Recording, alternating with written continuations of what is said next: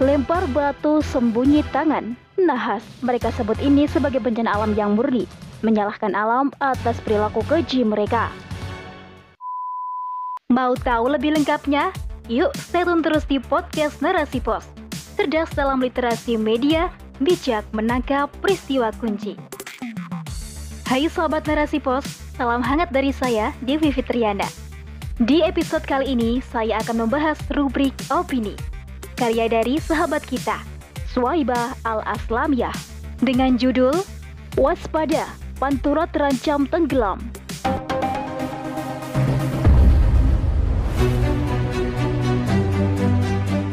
Heboh, sebagian wilayah Indonesia yang berada di pesisir pantai khususnya kawasan Pantura diprediksi akan diterjang dasarnya banjir rob pada 2034.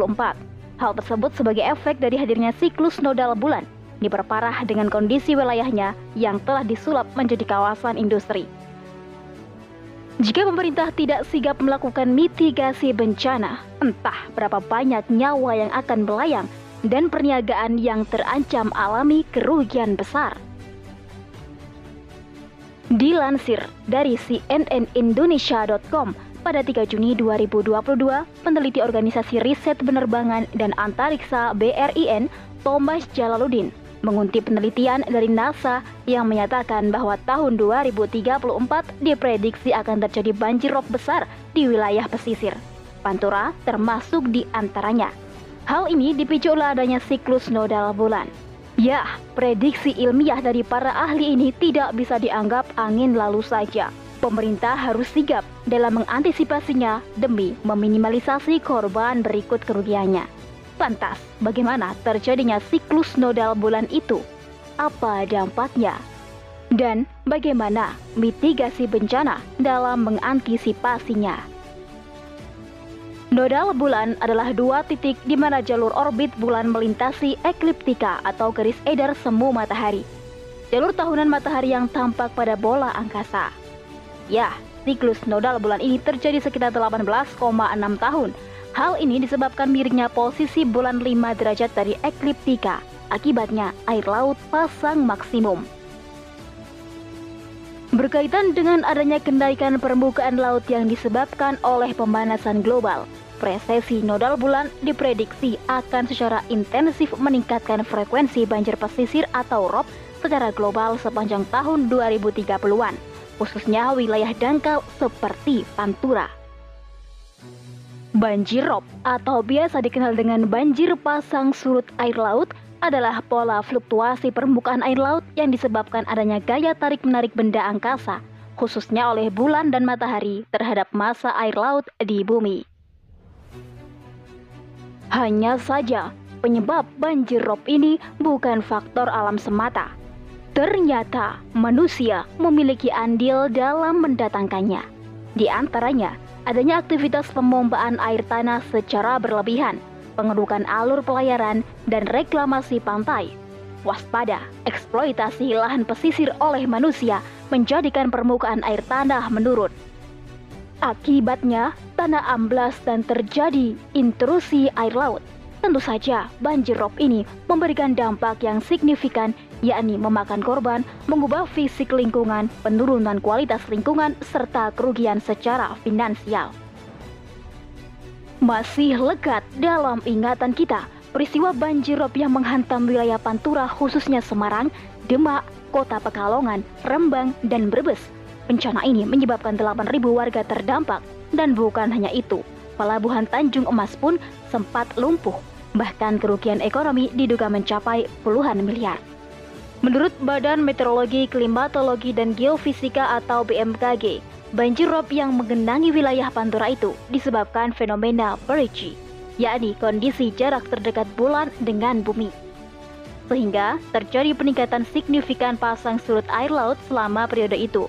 Bukan hanya itu, curah hujan yang tinggi dan gelombang laut yang mencapai 1,25 sampai 2,5 meter hingga jebolnya tanggul pelabuhan menyebabkan bahaya banjir rob ini. Namun, faktor alam bukan satu-satunya penyebab datangnya banjir rob di wilayah Pantura.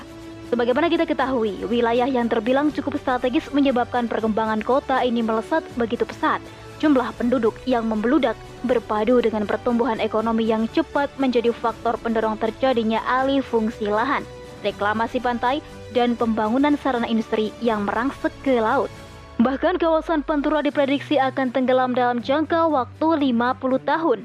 Penggunaan air tanah yang berlebihan dan sifat sedimentasi aluvial pada pantai sekitar Pantura menyebabkan tanah jadi cepat turun Inilah dinamika kepesisiran yang hingga saat ini masih menjadi masalah serius di kawasan Pantura. Tak pelak, aktivitas ekonomi seperti bongkar muat di pelabuhan, kegiatan ekonomi di pemukiman pesisir, kawasan industri, wilayah tambak garam, dan perikanan terkena imbasnya. Mereka harus menanggung kerugian puluhan miliar rupiah. Hal penting yang perlu disoroti dari bencana banjir rob di wilayah Pantura ini adalah terkait pembangunan oleh manusia. Pasalnya, kawasan Pantura sudah sejak lama menjadi tulang punggung jalur transportasi dan logistik di Pulau Jawa. Utamanya ketika proyek tol Trans Jawa yang membentang sejauh 1000 km ini telah terrealisasi. Bukan hanya itu, aktivitas manufaktur Jawa Tengah atau Jateng ternyata terpusat di kawasan Pantura. Bayangkan saja, dari tujuh kawasan industri di Jawa Tengah, lebih dari separuhnya berlokasi di sekitar pesisir. Begitupun maraknya pembangunan perhotelan dalam menunjang sektor pariwisata negara. Industri dan perhotelan menjadi pelaku paling ekstrim dalam ekstraksi atau pengambilan air bawah tanah Hal ini dilakukan karena minimnya air bersih. Ditambah pembangunan infrastruktur dengan beban bangunan berat yang dilakukan secara ugal-ugalan menjadikan fenomena penurunan tanah tak bisa dihindarkan. Sehingga wajar jika banjir rob getol menyambangi kawasan ini. Tak dimungkiri, Pantura memang mempesona wilayahnya yang strategis, gaji yang menggiurkan, SDM yang potensial, fasilitas ekspor impor yang memadai, konektivitas darat dan laut, serta ditunjang keberadaan tol Trans Jawa menjadi daya pilar kuat dalam menarik investor, baik nasional maupun multinasional. Kawasan pesisir semestinya terjaga aspek lingkungan berikut konservasinya, sebab tanahnya rawan terkikis.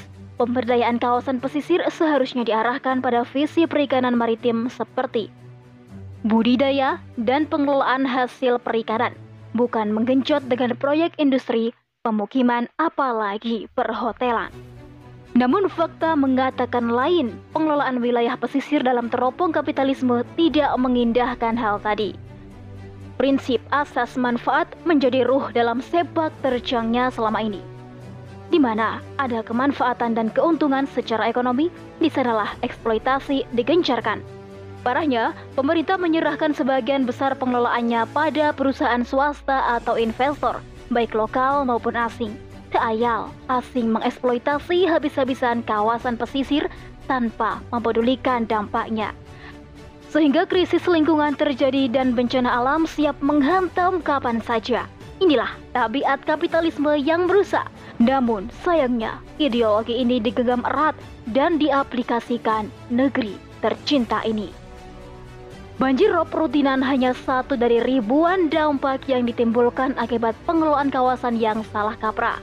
Masyarakat lagi-lagi menjadi korban keserakahan kapitalis. Lingkungan terkoyak bahkan rusak karena menjadi pelampiasan ambisi kapitalis.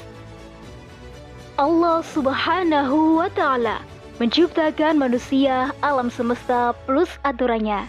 Betul, sejatinya alam semesta ini dihadirkan demi memenuhi kebutuhan hidup manusia.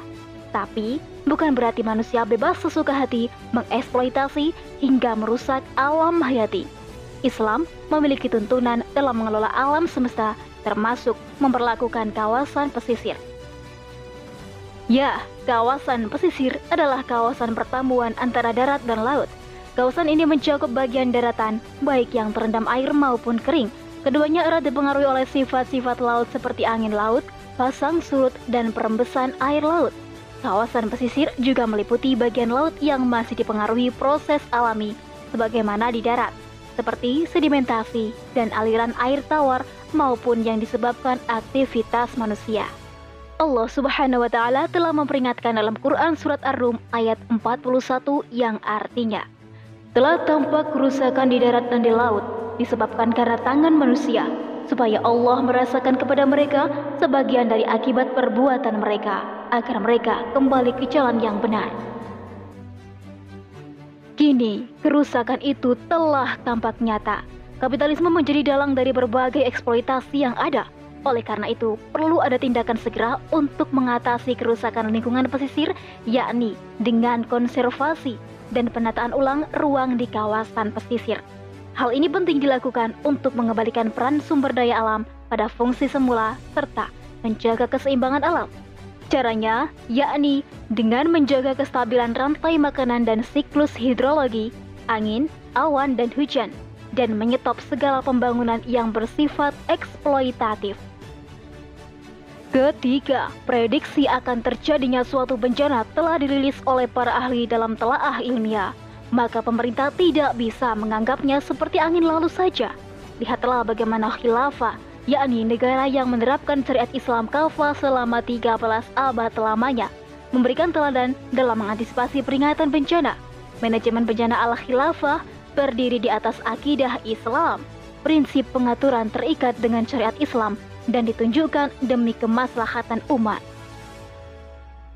Khilafah menyusun langkah strategis siaga bencana dengan menjalankan dua kebijakan yakni preventif dan kuratif. Pertama, kebijakan preventif yakni upaya pra-bencana. Tujuannya demi menghindarkan umat dari resiko bencana.